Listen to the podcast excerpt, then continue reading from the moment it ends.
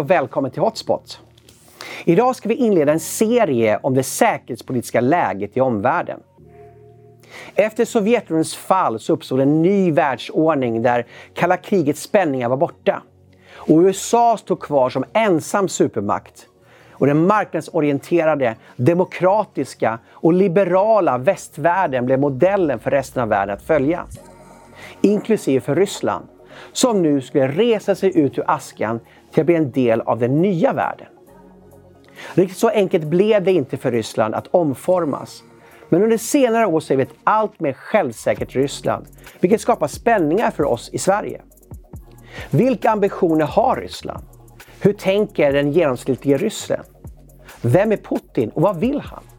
Och flera andra frågor kommer vi att behandla idag för att förstå vart Ryssland är på väg. Till min hjälp att bättre förstå Ryssland och dess folk har jag idag med mig tidigare ambassadören till Moskva, Sven Hirdman. Sven Hirdman har också tidigare varit diplomat i både Israel och Kina, statssekreterare i försvarsdepartementet och är ledamot av den Kungliga krigsvetenskapsakademin. Välkommen till ett spännande samtal om vart Ryssland är på väg. Välkommen till Hotspot Sven Hirdman. Tack. Du är ju en gammal diplomat. Ja. Du har varit eh, ambassadör i Moskva mm.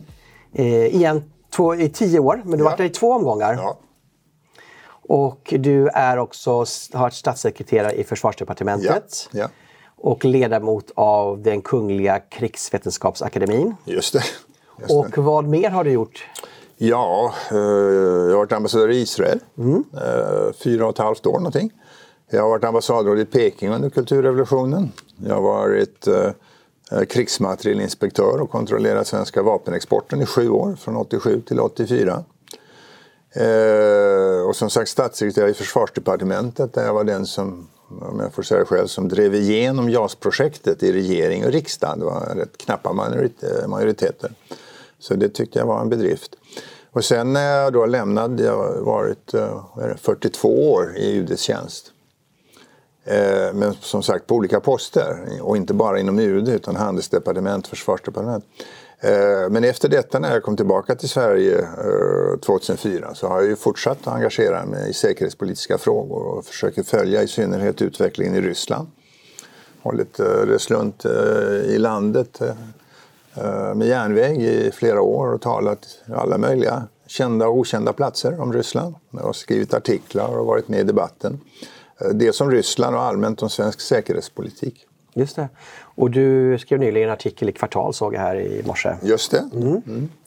Och du var ju då, du har varit två omgångar har varit i ja, Ryssland. Dels som attaché, alltså som mm. ung diplomat 64-66. Under Sovjettiden? Under Sovjettiden och sen som ambassadör 30 år senare, 94-2004. Så du såg vad som hände efter Sovjetunionens fall? Ja. Mm. På nära håll? Ja. Och det var ganska förfärligt när, man kom till, när jag kom tillbaka på våren 94 och se hur eländigt det var. var eh, varubristen, hur fattiga människor var. Eh, de fick inga löner, inga pensioner. Utan de fick eh, lite, möjligen om de arbetade på en fabrik så fick de eh, saker som tillverkades i fabriken i lön. Så stod de ute med vägarna och försökte sälja det. Mm. Det var rätt besvärligt. Mm. Eh, du är här idag för att eh, tala om Ryssland. Frågan är vart Ryssland är på väg. Mm, mm. Men innan vi kommer dit så känner jag så här att eh, jag vill förstå Ryssland, jag vill mm. förstå ryssen. Jag har mm. själv rest. Första gången jag var 90, tror jag var där, kanske mm. något liknande. Och ja. reste kanske 7-8 gånger och sånt. Oh, ja. eh, ryssen, hur ser ryssen på sig själv? Är man en egen entitet mellan öst och väst eller tillhör man den europeiska kultursfären? Det är en bra fråga och jag skulle svara som så, ja. Alltså Ryssland är en del av Europa. De har varit en del av Europa ungefär sedan 800-talet. Alltså före 800-talet fanns det inte någon riktig, man kunde tala om en europeisk civilisation, inte särskilt mycket i alla fall. Eh, på hedna tiden så att säga. Va? Eh, men 800-talet och framöver så uppstod det riken då, eh, frankernas, anglernas och så vidare, de nordiska rikena. Och sen dess, ungefär 800-talet, till idag så har Ryssland varit en del av europeisk historia, definitivt, och europeisk kultur. Eh, ryskan, eh, som folk tycker verkar vara ett konstigt språk, det är ett vanligt europeiskt språk. Några av bokstäverna är lite annorlunda, de har hämtat från grekerna, men det är ett, eh, ett europeiskt språk som man kan lära sig ganska snabbt. Så det är ett europeiskt land och jag vill säga att ryssar känner sig som europeer. Jag kommer ihåg en resa jag gjorde i Ryssland 1996, ända bort till den ryska Fjärran Östern, alltså Stilla havskusten. Eh, och besökte någon familj, det var väl i Vladivostok var det väl. Eh, och det som slog mig då när jag besökte dem, jag var i Chabarovsk och Nachodka var ja men de talar ju precis samma språk, samma dialekt så att säga, som man gör i Moskva. De tänker på samma sätt, det är samma kultur. Och jag hade tänkt mig något mer exotiskt, asiatiskt, inte alls. Det är alltså, även om det finns flera minoritetsfolk i Ryssland, det finns det, men det intressanta är att efter att Sovjetunionen föll samman så har Ryssland blivit mer homogent. Ungefär 80-82 procent av befolkningen är ryssar eller slaver och sen finns det då muslimska minoriteter i Kaukasus och i Volgadalen. Men det, landet är alltså det är en del av Europa, en viktig del av Europa, men det är inte Västeuropa. Det är väl den stora skillnaden. Och ryssar känner sig definitivt som, som uh, europeer. Mm. Nu tycker de ju kanske att de, uh, många, att de diskrimineras för närvarande. Va? Uh, och att man, de behandlas illa av andra europeiska makter och USA. Och utrikespolitiskt, ja, utrikespolitiskt så samarbetar de då med andra länder, till exempel Kina och sådär. Men det är Europa. Mm, just det. Och de har ju haft mycket samröre, de har pratat franska vid hovet. Mm. Och, och mm. Ja. Just det, eh, de har ju gått igenom olika kulturskeenden. Först hade du då ruserna med vikingarna då, mm. på, på 800-talet till 1200-1300-talet. Sen kom tyskarna, tyska inflytande väldigt eh, stort. Det ryska språket är oerhört flexibelt. Alltså mm. du kan ta in vilka utländska ord som helst och sätter du på dem ryska händelser. Det går utmärkt. jag kommer ihåg när jag läste ryska tidningar så såg jag då med, med rysk text så stod det att någon var i en Zeitnot tidsnöd. Det var alltså ett tyskt ord som de hade införlivat eh, med, med ryska någon gång då på 1500-1600-talet. Och sen under 1700-talet massor med franska ord, nu massor med amerikanska ord och så vidare. Va? Så att de har haft starka inflytelser av så att säga Norden, eh, tyskar, fransmän och nu naturligtvis av det anglosaxiska. Det slår ju igenom. Eh, mm. Eh, och vi ser i, idag eh, Ryssland. Mm. Ryssland har ju då varit den dominerande makten i Sovjetunionen mm. som var en stormakt. Vi hade ju två supermakter mm. mm. på den tiden, USA och Sovjetunionen. Mm. Sovjetunionen föll. Eh, känner det ryska folket någon form av revanschlystnad efter kollapsen där allting föll ihop? De vill bli en stor nation, inte bara utifrån Sovjetunionstiden utan också tidigare var de en stormakt i Europa mm. under 1700-1800-talet. Mm. Eh, det där är ju rätt mycket en generationsfråga. Eh, och det är nog så att många i den äldre befolkningen, jag ska säga då, nu har det gått då ja, 30 år drygt eh, sen Sovjet, ja ganska precis 30 år sedan Sovjetunionen föll. Men säg människor 50 år och äldre och i synnerhet de som är 60, 70, 80. Hos flera av dem så finns det en trots allt en viss saknad efter Sovjetunionen. Eh, men inte så mycket efter den sovjetiska militärmakten. Utan Sovjetunionen var ju på sitt sätt ett ganska Eh, tryggt eh, men fattigt eh, välfärdssamhälle. Alltså, lika regler för alla var väldigt välordnade. Barnbidrag och pensioner betalades ut i tid. Det fanns organiserade semesterresor genom fackföreningarna för alla arbetande och så vidare. Och tågen gick i tid och, och alla hade det ungefär lika varor knappt. Men det funkade. Eh, och sen kom då det här vilda, brutala 90-talet, eh, vilda västerns situation så att säga. Och, och det är många då som fortfarande saknar lite den ordning och reda som de tyckte det fanns. Sovjetunionen de förtränger naturligtvis det som var dåligt. Men, så den känslan finns hos en del av den äldre generationen och de tycker kanske också att det är tryggt att ha en person som Putin i ledningen. Det andra beträffande då det här utrikespolitiska, det här mäktiga Sovjetunionen, ja där finns det väl hos sovjetisk militär och säkerhetstjänst så finns där då inklusive Putin själv naturligtvis en, en känsla av att eh, de tappade för mycket, vi måste ju återställa eh, vår makt, vi måste återigen bli en respekterad stormakt, vi måste också ha moderna, igen ha moderna vapensystem och vi måste vara USAs jämlike så att säga. Va? Det finns detta. Hos andra, mera vanliga ryssar skulle jag vilja säga att eh, det är väl mer att, det var som, som du sa, det var ett stort imperium. Och det är väl kanske som man har blivit opererad, man har blivit av med en led så kan man känna fantomsmärta. fantomsmärta ja. Mm. Men då ska man också komma ihåg att det här imperiet, det sovjetiska imperiet då med 350 miljoner invånare så hälften av dem bestod ju då av icke-slaviska folk. Alltså de staterna i Kaukasus och Centralasien. Och att de inte längre är en del av Ryssland, det tror jag kanske inte man saknar så mycket. För att eh, det var ju Moskva och så säga, Ryssland som subventionerade de där staterna. Man tyckte de var lite besvärliga och så.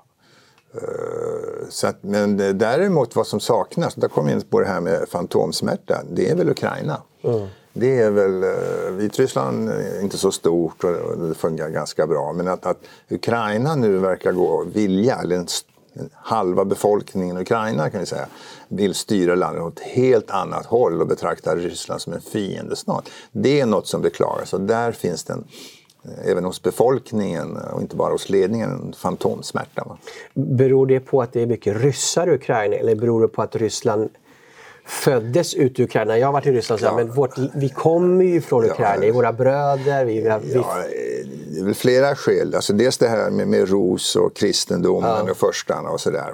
Det ingår i det här ryska nationaleposet. Mm. Det är väl det.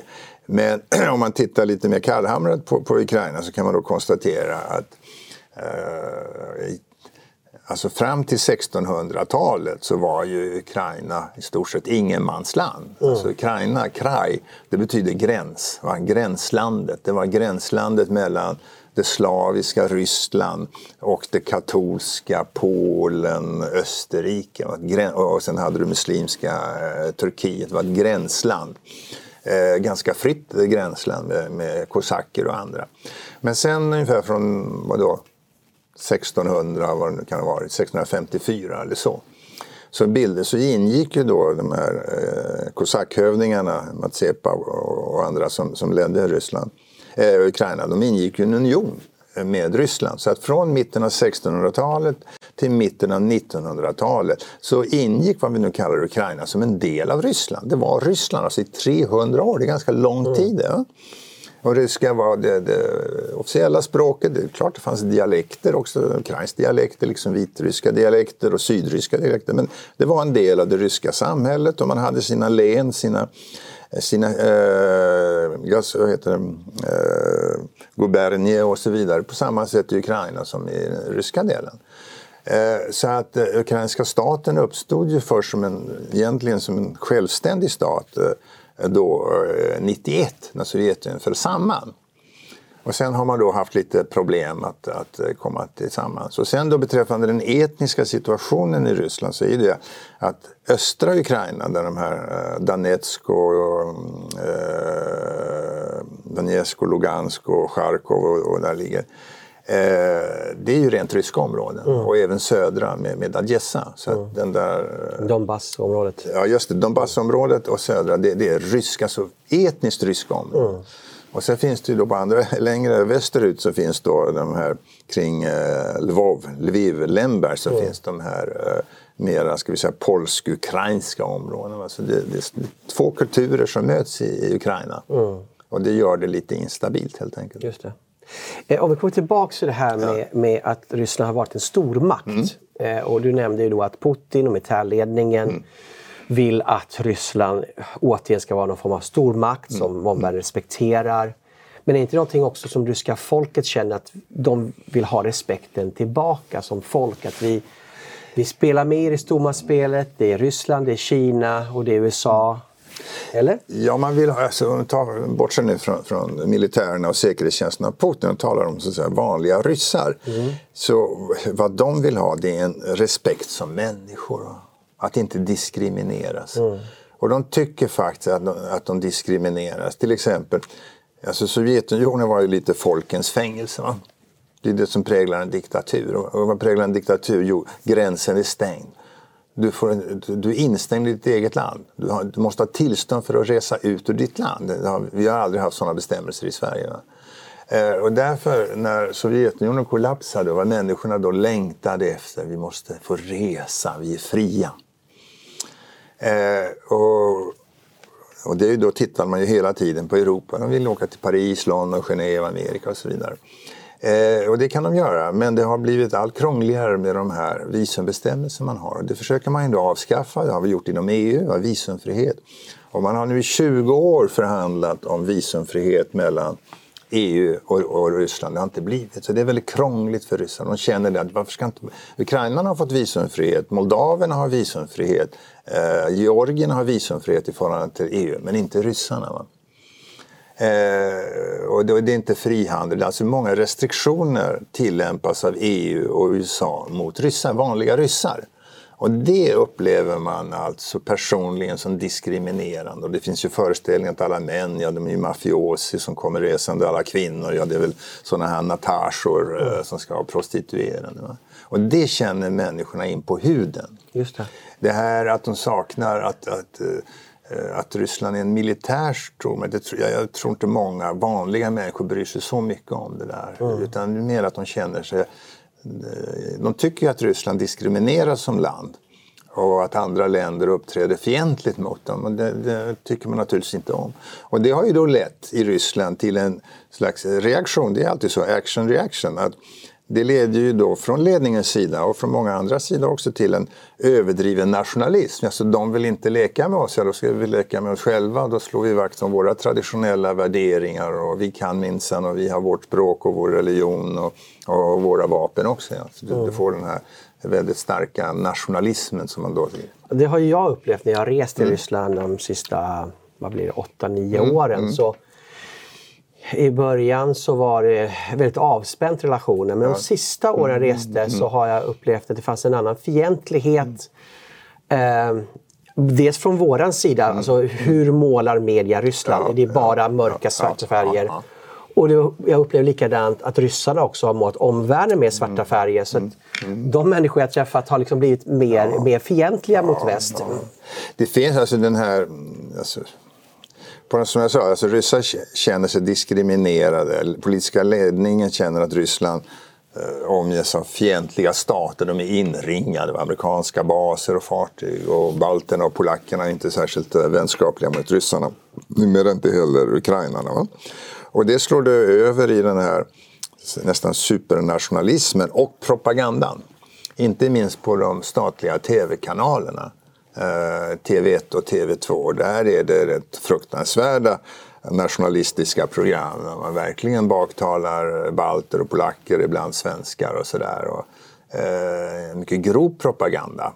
Jag vill inte säga att den går hem helt och hållet hos befolkningen men det finns alltså en medveten eh, politik uppifrån att lyfta fram det här nationalistiska, alla är emot oss och vi minsann, vi ska se till att, att vi är, blir starkare än dem och så. Mm. Eh, vilket ju är otrevligt. Det, det, leder ju bara till mer och mer spänning. Så att säga. Så att eh, den här sanktionspolitiken och den här ska vi säga, negativ, den här eh, kritiken av Ryssland den är ju kontraproduktiv. Den, den främjar ju då krafter i Ryssland som vi inte vill främja, tycker jag. Mm. Just det. Eh, bland de här eh, i statsledningen, mm. som, det är ju en fråga som vi kanske i Sverige mycket funderar på. Vilka stormaktsambitioner finns det bland dem? För det kan ju bli ett direkt hot mot oss i Sverige. Vi har ju, de gick in i Georgien, de var i Ukraina, de tog Krim. Eh, ja, alltså, så, vapenskrammel. Ja, jag ser ju det hela igen som action reaction. Va? Ryss, Sovjetunionen faller samman. Mm. Och det gäller på något sätt att resa sig ur det där um, ur askan på något sätt och få ordning på ekonomin och så. Och du kan ju själv tänka dig vilket enormt problem det var här att en stormakt faller samman på det där sättet. Och 25 miljoner vanliga etniska ryssar som har betraktat Ryssland, alltså Sovjetunionen lika med Ryssland, som sitt eh, hemland. De är plötsligt utlänningar. De är utlänningar i Baltikum, utlänningar i Ukraina, utlänningar i, i, i Centralasien. Eh, valutor, eh, Ruben kraschar och sen eh, återkommer Ruben i de andra länderna och skaffar de andra valutor. Och så. Det enorma praktiska problem uppstår av den här så att säga, påtvingade skilsmässan. Eh, och det har tagit ganska lång tid att sortera ut den, den är fortfarande inte utsorterad. Och jag skulle säga att de här konflikterna som nu har varit med Georgien respektive eh, Ukraina i första hand de är inte ett resultat av någon slags rysk vilja att erövra gamla områden utan det är en del av så att säga, en följd av sönderfallet av Sovjetunionen där den här så kallade federala unionen, det var ju en tvångsunion. Eh, och det är ju ganska naturligt som allt som världen utvecklas att eh, eh det är svårt med federationen där det lever olika folk. Var och en strävar då efter sin identitet. Så det fanns de här centrifugala krafterna då som eh, eh Gorbatjov släppte loss. Eh, så att ukrainska nationalister, georgiska nationalister, eh, kazakiska nationalister då tog makten. Så det, det, kunde man inte stoppa. Gudskelov så blev det ju inte en blodig upplösning i Sovjetunionen som det blev i Jugoslavien.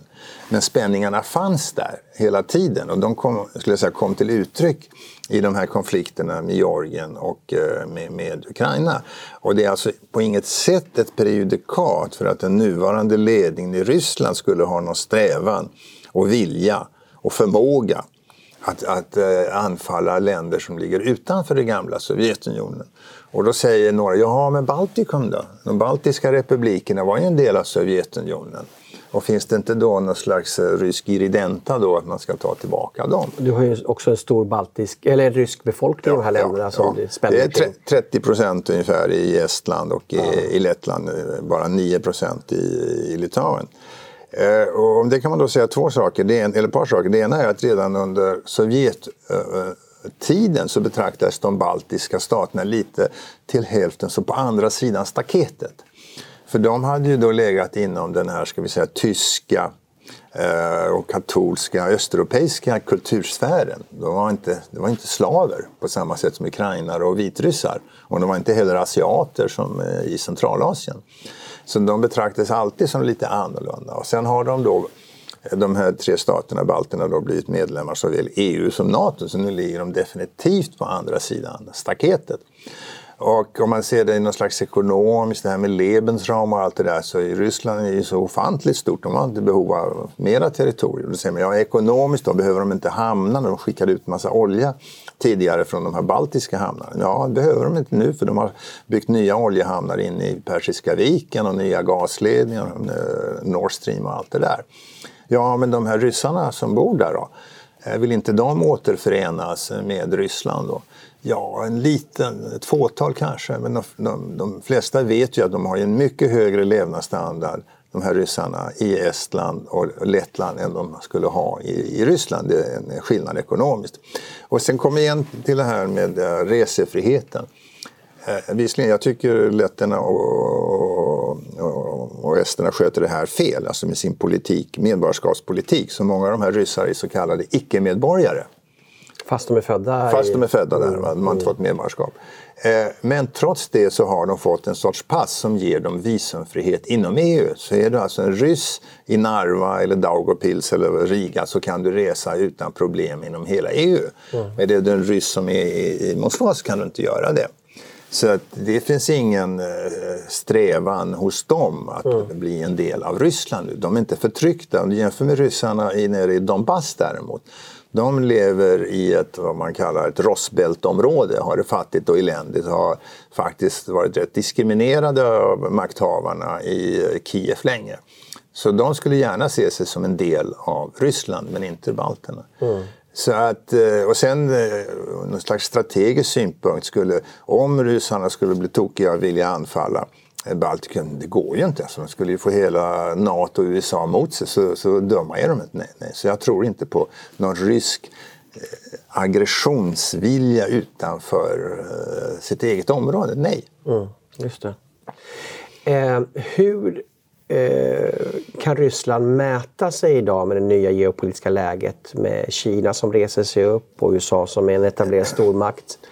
Ja. Vill man tränga sig fram i det här och, och, och vara en stor spelare? Jag menar, Putin talar, då är han ju en världsledare.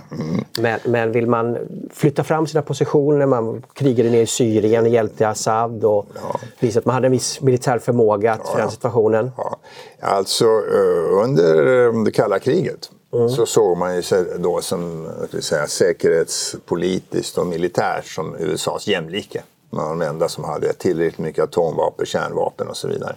Och Ryssland är ju fortfarande den enda stat i världen som om de ville det kan tillintetgöra USA. Eh, och sen då medlemmar i FNs säkerhetsråd. Så, så då var de USAs jämlike. Sen, eh, det är de ju inte längre får man ju säga, efter 91. Eh, och då har den ryska så att säga, diskursen, vad strävan efter? Jo, säger man, man vill ha ett multipolärt samhälle. Det ska inte bara vara Amerika som styr och ställer. Utan här finns en rysk kultur, Kina, det finns Japan, det finns uh, arabvärlden och så vidare. Och man har genom olika förslag och handlingar försökt arbeta för att det skulle bli så att säga mera multipolärt, men eh, genom samarbete. Och eh, ryssarna har ju länge försökt eh, upprätthålla en god relation till USA. Det har varit viktigt för dem. Med, med, till exempel under Jeltsin och Clinton, eh, Jeltsin Clinton och, och även Putin och den yngre Bush och så vidare. Va? Obama. Eh, och sen i synnerhet har man hela tiden, eller tills nyligen får man säga, strävat efter att ha ett nära samarbete med EU-länderna. Och de har haft massor med konkreta förhandlingar. Och stor del av handeln går ju just mellan Ryssland och EU. Så, så det har varit en, en strävan. Eh, att så att säga multipolär samarbetande värld. Nu som läget är idag kan man ju säga att det där har ju misslyckats. Vi har, vi har möjligen en eh, multipolär situation men det är inte någon samarbetande situation. Och då ser man, om man tittar på Ryssland, dels att ryssarna strävar efter att bli mer ska vi säga, självständiga och självförsörjande. Man, eh, Sanktionerna har väl hjälpt det också? Ja, de, driv, de driver på naturligtvis på detta. Och, och när det gäller rent militära så hade alltså hela den ryska försvarsmakten och försvarsindustrin kollapsade ju på 90-talet. Nu har man eh, byggt upp det en ganska respektabel nivå. Man har lyckats. Eh, och man utvecklar egna förmågor inom IT och medicin. Du har det här ryska Sputnik-vaccinet till exempel som en stor vetenskaplig framgång. Så att dels strävar man då efter större självförsörjning och sådär. Man ska inte vara beroende av omvärlden, det ena.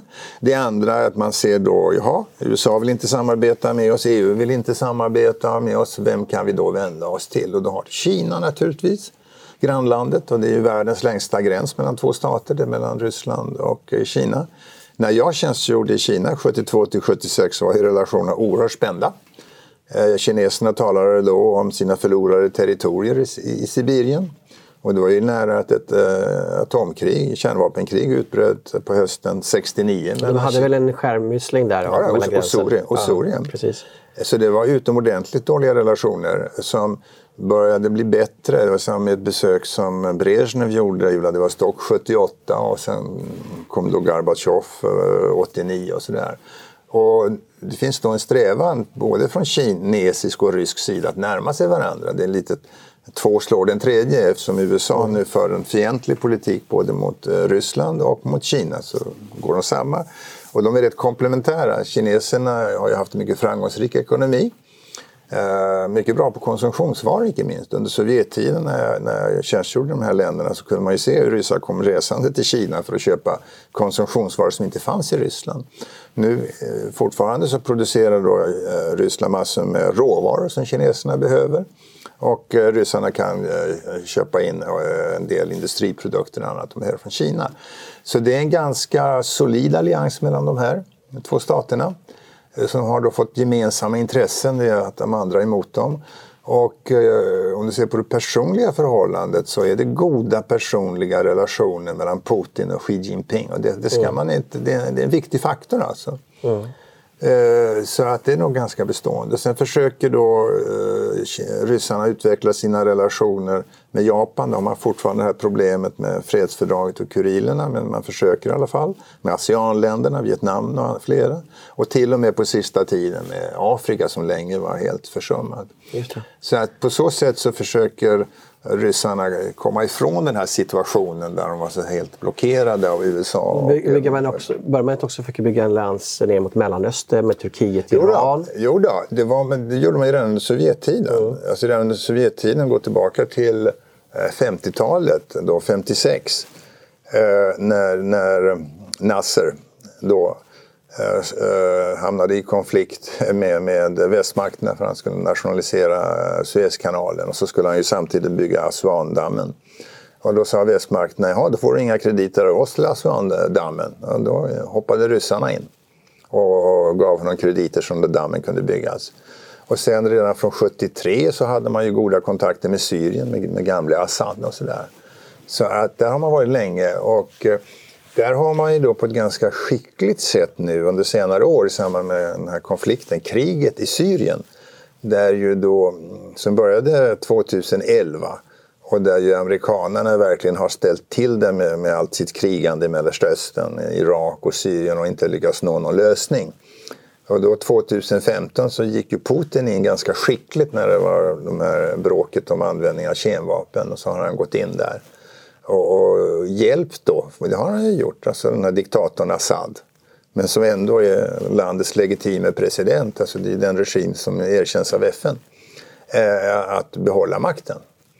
Eh, och det har han väl gjort av två skäl. Det är viktigt för ryssarna att ha någon eh, plattform i Mellanöstern. Amerikanerna har Israel och nu, nu har ju ryssarna en hamn där på syriskt mm. område.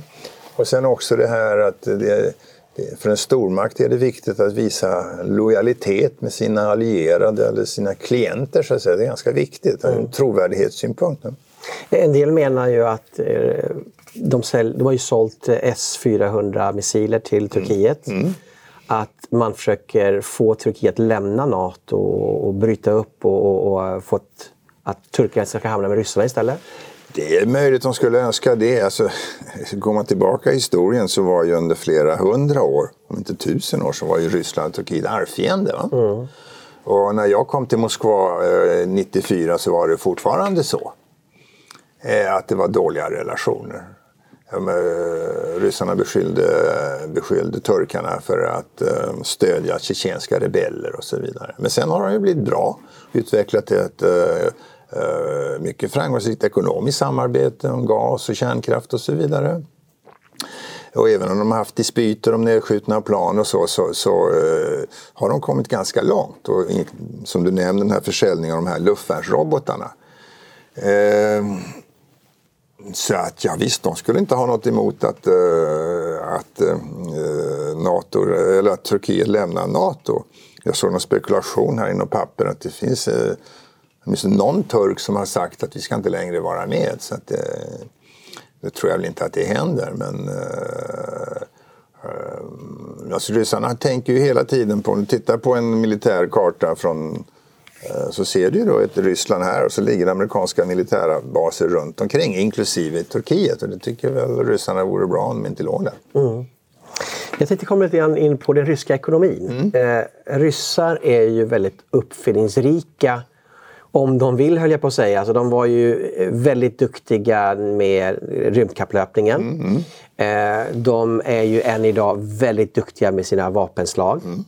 Eh, men det övriga ekonomin verkar ju inte lyfta utan de är väldigt fortfarande, vad, vad jag får intryck av, råvaruberoende. De köper inte ryska bilar eller mm. ryska klädsmärken. Eh, det finns alltså flera förklaringar till det som du säger. Det ena är ju att den ryska ryska samhället, ryska staten, ryska ekonomin är ju då eh, sedan urminnes tid eh, toppstyrt. Från självhärskardömet, det är top-down, det stuprörsmentaliteten. Det främjar ju inte entreprenörskap så mycket utan det är hela tiden man väntar på att chefen ska säga vad man ska göra. Eh, ett, ett, ett, exempel på det där är att när Medvedev var president för ett antal år sedan så var han inbjuden till USA och de tog honom till Silicon Valley och, och, han tyckte det var fantastiskt med alla de här företagen som verkar där. Det måste vi skapa, ha i Ryssland.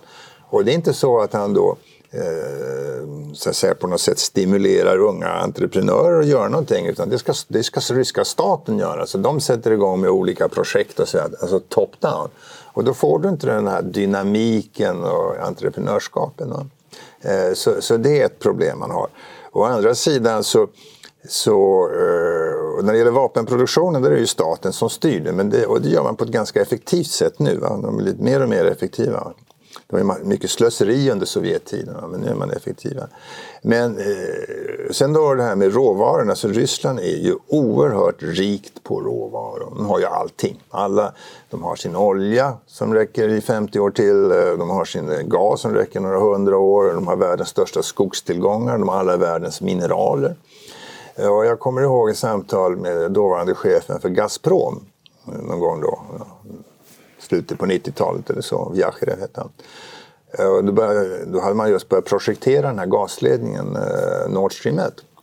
Och jag frågade honom då, ja men gas det är ju en väldigt viktig råvara. Varför exporterar Ryssland bara den här gasen? Det kunde ju vara grunden till en fantastisk kemisk industri.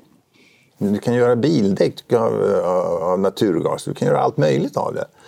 Eh, varför gör de det? Varför exporterar de bara sina råvaror, sitt timmer, sin gas, sin olja? Och skälet som han sa, det är, ja, det beror på efterfrågan. Efterfrågan är stor på de här råvarorna, vi får omedelbart betalt. Och perspektivet, alltså tänkandet i Ryssland länge, och det beror ju igen på det här Sovjetsamhället och alla krig och lidanden, det är ju kortsiktigt. Va? Gör man en investering så ska man omedelbart ha avkastning. Man har inte tid, råd att vänta. Det är mycket enklare och du tjänar mera själv. Du, du är direktör nu, du kanske inte är direktör om fem år. Bättre att exportera de här råvarorna så tar jag hem pengarna. Va? Men detta sagt så finns det ju ändå sektorer där det finns entreprenörskap och IT-sektorn till exempel är blomstrande i Ryssland. Eh, finansmarknaden, bankerna är också mycket effektiva och moderna. Eh, de har vissa eh, medicin, ja inom vissa delar av medicinen är de bra. Eh, och, så. och sen när det gäller den mera tunga produktionen, ta lastbilar och så, så gör de naturligtvis lastbilar som är grova och drar mycket bensin och sådär, men de håller ju nästan i evighet. Ja, det är likadant med ryska flygplan, lite tunga, tunga och klumpiga, men de, de funkar i alla lägen. Eh, men de måste ju komma in, alltså de, de har inte kommit in i den riktigt moderna industriekonomin. De är inte där. Och de, Ser säger, de det? De, de är medvetna de om det och de talar om olika satsningar hit och dit och mm, sådär. Mm. Eh, och ett annat problem de har i ekonomin naturligtvis infrastruktur. Alltså landet är ju så vansinnigt stort. Va? De behöver massor med, med järnvägar och landsvägar och flygplatser och allt det där. Och det är de medvetna om. Eh, I synnerhet vägnätet alltså, eh, är ju dåligt. Det finns ett uttryck av, av eh, gamle författaren Gogol. Att Ryssland, ja det består av Doraki i Darogi, alltså dårar och vägar. Alltså det är dåliga vägar. Va? Eh, och då bygger de en del vägar men någon har räknat ut att kostnaden per kilometer för att bygga en väg i Ryssland är tio gånger högre än i Västeuropa för man är så ineffektiv och så mycket korruption och så dåligt arbete och så. Eh, så att järnvägssystemet är väl bättre men vägnätet är uselt. Mm. Och så så där behövs det mycket investeringar i infrastruktur. Där har ju kineserna gått före. Den kinesiska ekonomin bygger ju grunden på att de har eh, verkligen satsat mycket på infrastruktur. Jag, jag tänker att båda länderna har ju varit kommunister. Kina ja. är ju fortfarande kommunistiskt ja, ja, men Ryssland har ju varit det. Och underutvecklat. Ja. De gjorde sina satsningar på industrin. Stalin gjorde det, mm. Eh, Mao Zedong gjorde det. Mm. Men Kina har ju dragit iväg så oerhört ja, mycket. Ja. Vad, vad, är skillnaden mellan Kina och Ryssland? Ja, alltså det är två helt olika kulturer. En europeisk och en asiatisk. Och, eh, den kinesiska kulturen är ju väldigt, eh, vad ska vi säga, den är kollektivistisk på ett helt annat sätt. Eh, familjer, klaner håller ihop. Man är van, det finns en disciplin i den kinesiska kulturen som inte finns i den, den ryska. Ryska är lite mer vad ska jag säga, anarkistisk. Eh, och eh, alltså, Kina var ju kommunistiskt på något sätt men det var en annan sorts kommunism mm. än den sovjetiska.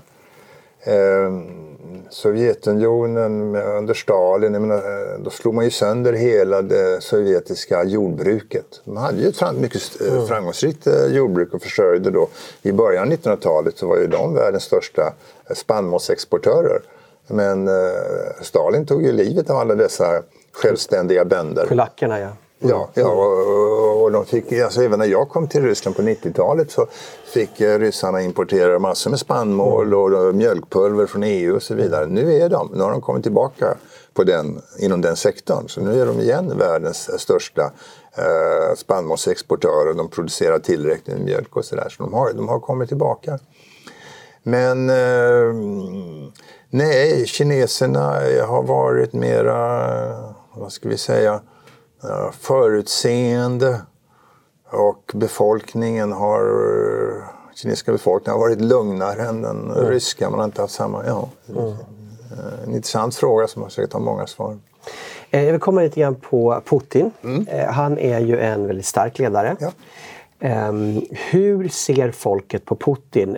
Um, människor som jag träffade som sa så att ni gillar Gorbatjov, mm. han är hjälte i väst. Mm. För oss förstörde han allt. Därför mm. att när Sovjetunionen föll ihop så var vi livrädda. Eh, de tog de rånade oss, det blev mm. banditvälde, Putin kom och styrde ut, upp alltihopa. Vi behöver en stark ledare. Jag upplevde det var ganska stort stöd för honom mm. för att han skapade trygghet. Ja.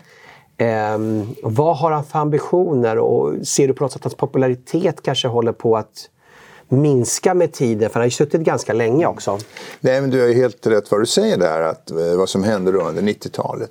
Alltså för eh, vanliga ryssar så var det en katastrof. Putin talar om en geopolitisk katastrof för dessa hundratals miljoner ryssar. När det så, så här, på ytan trygga Sovjetunionen föll samman och det blev det här uh, oroliga, fattiga Ryssland på 90-talet. Eh, och Jeltsin lyckades ju inte styra landet så som det borde ha styrts under tio år. Och så kommer ju då Putin som är yngre, energisk, eh, kompetent, hårt arbetande, eh, dricker inte och så vidare. Va?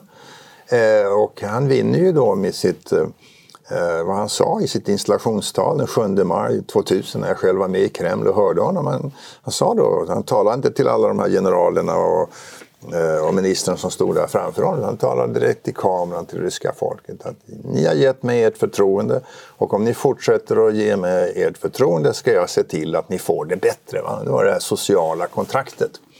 Och det eh, har han ju lyckats uppfylla under de första tio åren. Från år 2000 eh, eh, till, till 2010 ungefär. Va?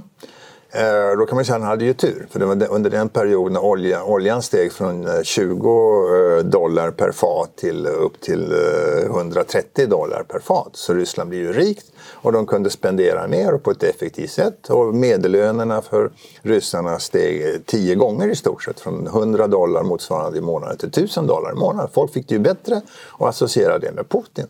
Så jag skulle vilja säga om hans popularitet att han var genuint populär när han valdes. Man, man, eh, för man visste ju inte så mycket om Putin då, men man visste att det hade varit dåligt under Jeltsins sista år.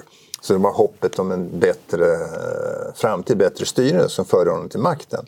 Och sen eh, var han ju då populär 2004 och sen ja, det här konstiga när han bytte plats med, med Medvedev 2008. Men han förblev populär. Och och jag skulle säga att populär, eh, sådana här folkopinionssiffror är alltid svåra att tolka men jag skulle säga att stödet var alltså, varierade mellan 50 till uppåt en 75 procent av befolkningen. Eh, och för de flesta ryssar så är han då, det beror ju också på att alltså, Ryssland har ju varit ett självhärskardöme. Det var tsarerna, det var kommunistledarna, det var statschefen. Det var den gode tsaren och de dåliga bojarerna. Och sen ryssarna, Nash president. Alltså det, han är president, ja då är han det, vi, vi har vår kung så att säga. Han har mm, kanske inte så mycket makt men han är vår kung och på samma sätt är Putin vår president. Men eh, eftersom det nu har gått ekonomiskt dåligt för ryssarna eh, senaste eh, fem, sex åren. De har fått dra åt svångremmen. Eh, Eh, de känner sig just att de utrikespolitiskt har de förlorat. Eh, alla, eh, de är inte omtyckta helt enkelt. Ständiga kontroverser och sanktioner och sådär. Det är också är ju ett faktum att Putin har gett större utrymme för de här säkerhetstjänsterna så att vad vi kallar vad ska jag säga, det inrikespolitiska förtrycket eller repressionen mot olika har ökat. Det där gör ju att eh, sympatin eller förtroendet för Putin har gått ner. Det är svårt att säga var det ligger nu men om det låg på mellan 60-70 procent förr så ligger det väl nu nere på en 30-40. Mm, sista siffran jag såg var att Hans förtroende i november 2017 var 57 tror jag, procent ja. och nu var det 32 i mars ja, 2021. Sånt, ja. ja. Men jag menar, frågorna kan ju ställas på olika sätt. Ja, eh, har, har, du förtroende för honom? Mm. Kommer du rösta på honom? Det, det, är lite olika. Men man får väl säga att om det skulle vara ett eh, fullkomligt fritt val i Ryssland idag inte var styrt på något sätt så skulle han fortfarande vara den som fick flest röster. Va? Om, om det blev, eh, får majoritet i en annan sak, men han definitivt får, får flest. Och det kan du ju säga beror ju på att han har sett till att det inte finns några andra ingen annan som har fått ett utrymme. Men i synnerhet hos den äldre eh, generationen är han ju fortfarande populär. Man, mm. man, man, vet vad man har så att säga. Hur skulle du beskriva personen eh, Putin? Jag har ju träffat honom några gånger och han är ju en Alltså han är en smart person. Han är, när jag träffade honom var han mycket god fysisk form. Uh, mycket kunnig, kan alla detaljerna i alla frågor. Alltså, I motsats till, till uh, västerländska politiker så ryska går in för att kunna alla detaljerna som vi låter tjänstemännen. Så han är ju en tjänsteman på sitt sätt fortfarande. Uh, han har en en vision att han vill se det, det Ryssland han vill se. Han vill se ett starkt, återupprättat, respekterat Ryssland va? som är en del i den här The Concert of Nations. Va? Eh, och han vill se att människorna har det bra också. Eh, problemet med honom är väl det att han, han har suttit så länge vid makten. Han har varit president här i 20 år och kanske ytterligare ett antal år. Så han betraktar sig själv lite som oersättlig. Han har åstadkommit vad han menar vara en stabilitet efter den här oron under 1900-talet. Han är orolig för att om han plötsligt försvinner så skulle de börja bråka med varandra igen, olika slitningar. Inom, det gjorde man under kommunistpartiets tid, det skulle man göra nu också. Så han har då en föreställning, skulle jag säga, att han behövs verkligen för att hålla det hela i schack. Eh, eh, när man talar med honom så han, han, han har ju sin bakgrund i säkerhetstjänsterna. Han tittar ju inte folk i ögonen, va? han är väldigt kontrollerad. Eh, och eh, han känner ju starkt för den här eh, nationella säkerheten och att Ryssland har på något sätt eh, ja, misshandlats av väst och nu försöker han då tala om att eh, han gjorde 2007 i ett eh, tal i München att vi accepterar inte att behandlas som någon slags knähundar av amerikanarna. Och han upprepade nästan det ord för ord i ett eh, sin, eh, tal till nationen som han höll i förra veckan. Alltså att vi har våra red lines, så att säga. Va? Eh, så att han, men han har alltså denna vision av ett starkt och respekterat Ryssland. Men han är också ju en eh, ganska bra taktiker. Du talade om hans, eh, det ryska ingripandet i Syrien då 2015. Det kom ju ganska sådär plötsligt. Han tog tillfället eh, i akt. Och du kan även se det här med eh, när de tog eh, Krim. Alltså han utnyttjade situationen när det hade varit vad ryssarna kallar en statskupp i, i Kiev. Och de var rädda för att nu skulle Ukraina gå in i NATO och NATO skulle ta över den här marinbasen i Sevastopol. Och då handlade han snabbt, det var ett beslut som han tog snabbt. Mm. Alltså han, är en, eh, han är en bra taktiker men han har också en vision för Rysslands framtid. Han är medveten om att hans eh, ska säga, makt, hans ställning vilar faktiskt inte bara på säkerhetstjänsterna utan han har folkets förtroende. Och folket är ju då den stora massan, i synnerhet den stora massan av äldre, pensionärerna. Så det är viktigt att ha dem med sig, det här sociala är viktigt. Men han struntar då menar, de här progressiva människorna i storstäderna, Moskva och Petersburg som demonstrerar för Navalny och så vidare. Det, det försöker han då ignorera. På ett... Finns det en kraft i de här demonstrationerna som vi ser idag? till att hota hans makt? Jag tror det blir en växande rörelse bland unga medelklass. Ja, inte det. Alltså, jag tror inte just fenomenet Navalny eller just det, de här, så här MR-frågorna, det är inte det utan det är vanskötsel. Alltså, du har sett, finns andra demonstrationer som har ägt rum som har varit värre. Mot korruption och så eller? Ja, det, ja eh, mot korruption. Och han, och Putin har ju tvingats avskeda flera ministrar. Han är medveten om att folk accepterar inte hur mycket korruption som helst. Men jag tänker på demonstrationer som ägde rum i Vladivostok. Nej, nej, det var Chabarovsk tror jag det var. Chabarovsk, borta i Fjärran Östern. När Putin och hans medarbetare plötsligt sa att en viss guvernör skulle avsättas och arresteras. Så det ledde till stora demonstrationer. Och du har sett demonstrationer i, eh, närmare Moskva, eh, norr om Moskva, när, när man har eh, anlagt stora eh, eh såna här, dumpat massor med avfall i populära naturställen och sådär. Så att det, folk är medvetna om när de här makthavarna de beter sig allt för illa mot folket. Det berör dem verkligen. Alltså när, när eh, det gäller naturfrågor, det gäller byggnadsfrågor och så. Eh, sjukvård och så vidare. Så, mm.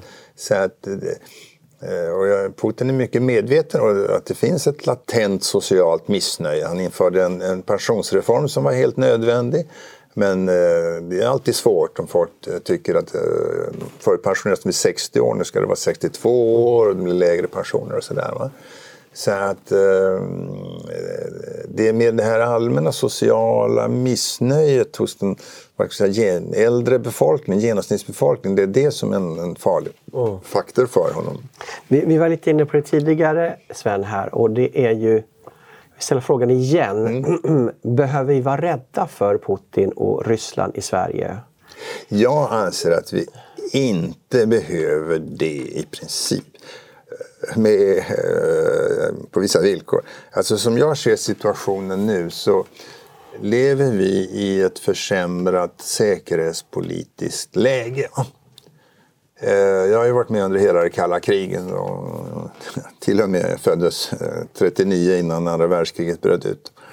Och eh, under det kalla kriget var det ett kallt krig och det var risk för ett krig mellan USA och Sovjetunionen. Men den verkliga konfrontationen gick då längre söderut, nere i Tyskland. Va? Nu av olika skäl så har det igen blivit väldigt hårda motsättningar mellan USA, NATO, EU å ena sidan, Ryssland å den andra. Och den här konflikten utspelar sig rätt mycket nu nära oss. Det vill säga södra Östersjön, Baltikum och Polen och deras eh, så att säga, klagomål på ryssarna och amerikaner och NATO flyttar fram sina styrkor där. Och ryssarna bygger upp i Kaliningrad. Och sen har du på andra sidan då uppe i Nordnorge Atlanten så eh, amerikanerna ska just inrätta fyra nya baser i, i Nordnorge och skicka dit sina B1 eh, eh, kärnvapenflygplan och så vidare och ryssarna håller på med sina strategiska ubåtar. Så att de här konfliktytorna mellan eh, väst och öst, eller USA NATO å ena sidan Ryssland, de har närmat sig varandra igen och närmat sig varandra i vårt område. Och, så jag är rätt rädd för faktiskt att det, ingen vill naturligtvis ha krig men krig kan uppstå ändå, liksom det första världskriget. Eh, missförstånd, eh, incidenter, någon trycker på fel knapp, eh, någon skjuter ner ett flygplan av misstag. Det har ju hänt flera gånger och folk har omkommit. Och det ena leder till det andra. Att det kan utlösa en ny konflikt här. Och är det så att det utlöser, uppstår en ny sån här militär konflikt här och ryssarna känner att de kommer att bli anfallna i den här konflikten va, av västmakterna. Då kommer ryssarna att agera mycket snabbt. För att en historisk erfarenhet på rysk sida som alla bär med sig det är att det har varit för många krig på rysk mark. Eh, av eh, svenskar, eh, av eh, polacker, litauer, mongoler, eh, Napoleon, nazister. Va? Det har varit för många krig på rysk mark. Och nästa krig som ingen vill ha, men om det blir ett nytt krig så ska det inte vara på rysk mark. Det där var uppenbart redan under det kalla kriget när de eh, sovjetiska stridsvagnarna stod med motorerna på i Östtyskland för att rulla igång direkt. Va? Det ska inte bli på vår mark, det ska bli på den andra sidans mark. Och det betyder att om ett sånt här krig, som inte är sannolikt men som kan uppstå ändå, men då uppstår det här, då, eh, om ryssarna då slår till från början om en gång, då ligger Sverige lite illa till. Mm. Desto mer som vi då har knutit vårt öde allt mer till den amerikanska militärmakten, låter amerikanerna hålla på och öva här och förbereda sig för krigföring på andra sidan Östersjön. Så på så sätt, i det scenariot har Ryssland blivit farligt för oss och farligare på grund av den här allmänna situationen.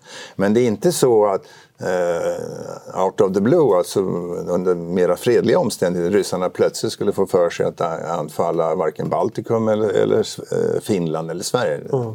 Absolut inte. En slutlig fråga Sven, vi har ett par minuter kvar.